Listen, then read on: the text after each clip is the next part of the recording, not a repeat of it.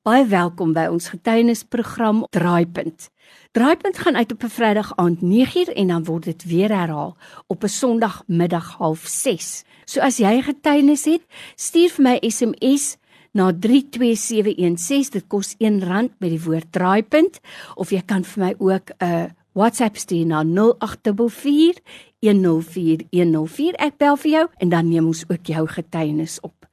Nou weet jy of jy kan onthou nie, so 3 jaar gelede het ek 'n getuienis opgeneem van 'n werker, Beauty Jaar, sy was hier in die ateljee sy kom getuig hoe wonderlik het haar werkgewer vir haar gehelp toe haar huis afgebrand het. En sy kon nie anders nie as om te getuig het daarvan nie. Haar werkgewer het vir haar gebring en min het ons toegeweet. Hy sal self vandag hier sit met 'n getuienis wat jou hartsnare sal roer. Hy is die besturende direkteur van Koelenhof Winery en hy is by ons in die ateljee. Dis Andrew De Vries. Andrew, ja, dis goed om vir jou te sien. Baie welkom. Ah, oh, dankie Lorraine, lekker om hier te wees. Nou ek sê dis goed om jou te sien want ek wil vir jou sê, die oggend toe ek die berig lees dat jy op die plaas aangeval is en eintlik met die doel om jou dood te maak. Ja. Het ek yskoud geword en ek het onmiddellik begin bid. Ja. En ek weet ek het saam met baie ander mense gebid dat jy uh, daardeur sal kom, maar ek het toe ook nie eers besef dat daar wonderlike getuienis daarin is nie.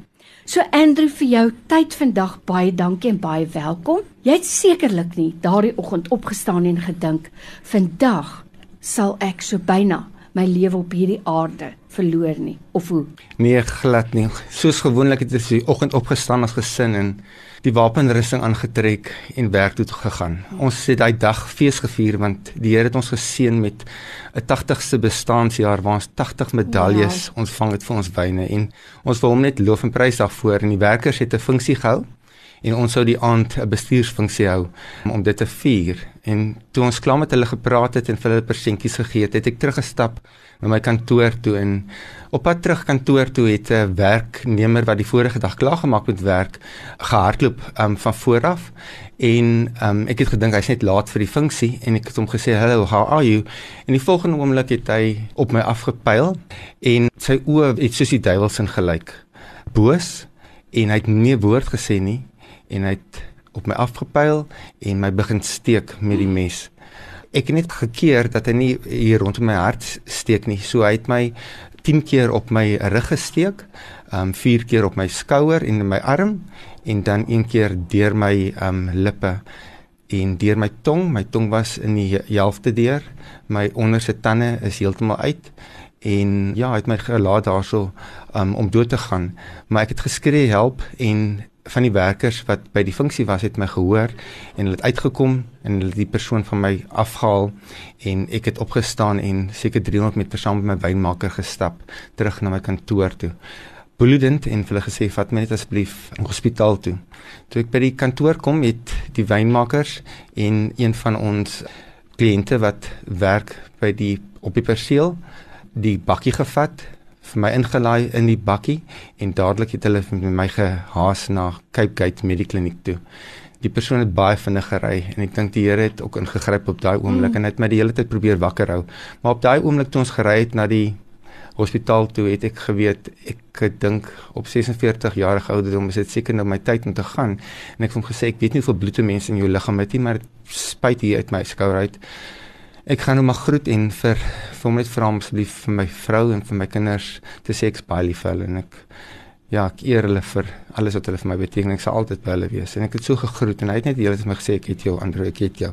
Min weet en om te weet dat die Here praat en deur om toe op daai oomblik. Hy het gejaag. Hy het op sy paadjies gejaag. Hy het in teen aan gekom en verkeer ingejaag. En op die ouende het hy vir my ingedra in die ongevalle in.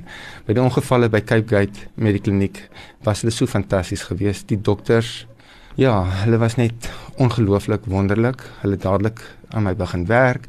Het dadelik spesialiste gekom. Die Here het gesorg dat daar vyf verskillende spesialiste daai spesifieke middag aan diens is plastiese chirurg, mond en kaak chirurg, vaskulêre chirurg.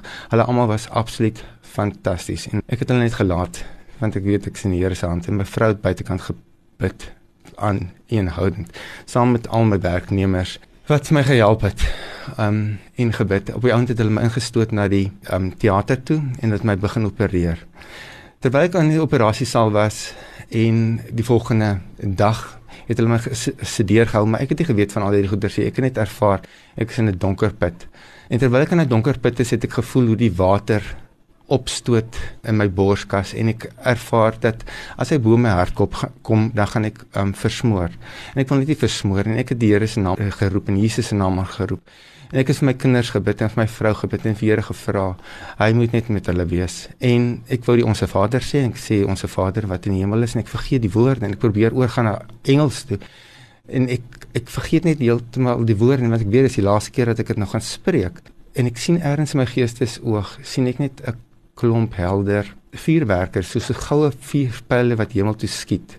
En ek besef dit is die smeekgebede. Nie net 'n gewone skietgebedjie nie maar smeekgebede van al my medegelowiges. En toe daarna onthou ek het ek wakker geraak. En ek was 'n dag nog 'n bietjie gesedeer gewees in die ongevalle. En toe die dokters op die ouene die pype van my afgehaal En toe die dokter klaar my pype um, uit my lyf uit gehaal het, het hy gesê en die fisio sal kom om my net te masseer en fisio te gee. En toe het hulle begin om my daai goed op my voete te sit wat so oppomp en dit uh, masseer my bene en hulle sit so ding oor my gesig wat my gesig begin masseer en dan beweeg hy so oor my oë en so oor my neus en hy druk my neus een kant toe en ander kant toe en gaan die hele tyd so oor my hele gesig vir die hele dag het aangegaan. Toe later in die dag toe raak dit so sensitief vir my dat ek vir hulle sê kan julle miskien net hierdie ding 'n tydjie van my gesig afhaal want hy raak 'n bietjie sensitief mm. op my vel. Toe sê sy meneer daar's niks op jou gesig nie. Oh. En wat 'n wonderwerk om te weet dat die engele toe al oh. ingegryp het om vir my te laat lyk soos wat ek vandag lyk want um, ek glo die genesing het wonderlik gebeur daardeur. Die Here praat in sewes met my. So 7 dae later het hy my huis toe gestuur nadat ongelooflike broers en vriende en kollegas my besoek het om vir my te kom bid en vir die huis aanhou bid het en dit was regtig waar 'n kragtige weermag van mense wat net gewet het vir my lewe. Ek het by die huis aangekom en ek het ervaar ek moet net deur die poorte van die keller stap, ehm um, die perseel in want ek besef ek het ook die engele wat ons beskerm het die mm. afgelope 80 jaar. Het ek vergeet om vir hulle net weer te sê hoor, so julle moet die plek oppas en ek wil net weer daardeur stap en vir hulle sê julle vlerke is hierso, julle beskerming is hierso. Mm. Hou aan om ons asseblief te beskerm. Ek het ingestap huis toe en toe ek hier by huis kom toe sa 14 bosse blomme. Die Here praat met sewe oh. met my. Oh. En toe bring mense vir ons kos oor en oor en oor en wat 'n blessing was dit elke dag nie. In een vrou bring vir ons op 'n spesifieke dag 'n ongelooflike geskenk van baie kosse wat sy vir ons gee en koekies en sy gee vir ons 'n brood en sy sê dis die brood van die ewige lewe.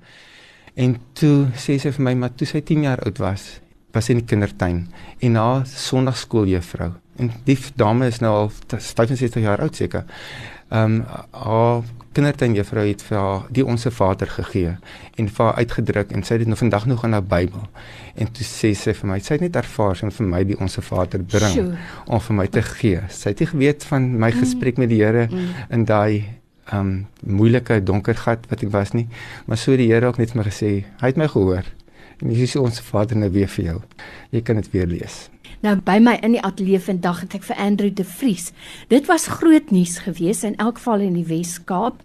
Hy is die bestuurende direkteur van Coolenhof Winery en hy was deur een van sy vorige werknemers aangeval met 'n mes vir dood agtergelaat. En hier sit hy vandag, die pragtige jong man wat hy was en is Ek kan dit nie glo as ek na jou kyk Andrew dat jy deur so 'n aanval is nie behalwe nou nog dat jy aan jou arme sit het wat ek glo die Here ook volkome sal genees. Maar wie iets wat vir my uitstaan in wat jy nou sê is tydens hierdie oorlog in Oekraïne het ek gelees van 'n sendeling. Ek weet of jy dit raak gelees het nie wat mense gevra het om asseblief te bid vir hulle. Dit was reg toe die oorlog net begin het. En hy sê die oggend toe hy sy stilte tyd hou, toe sien hy in sy gees vier pile wat geskiet word na Oekraïne toe. Tja. Maar dit was nie vyandige vuurpyle nie, dit was die gebede hmm. van gelowiges van oor die hele wêreld het ek sien. So dis die tweede keer wat ek hierdie beeld hoor. Dit is my absoluut asembenemend. Die tweede ding wat vir my regtig waar wonderlik is, is hoe die Here vooraf weet. Hy hy voorsien want hy kan voorsien dat die spesialiste almal daar was om by te staan en om te help. En ek weet daar's mense wat sal sê, "Maar waarom laat die Here toe dat dit gebeur in die eerste plek? Want ons is nog nie in die hemel nie. Ja. Ons is nog op hierdie aarde. Dit is gebroke en dit is stikkend."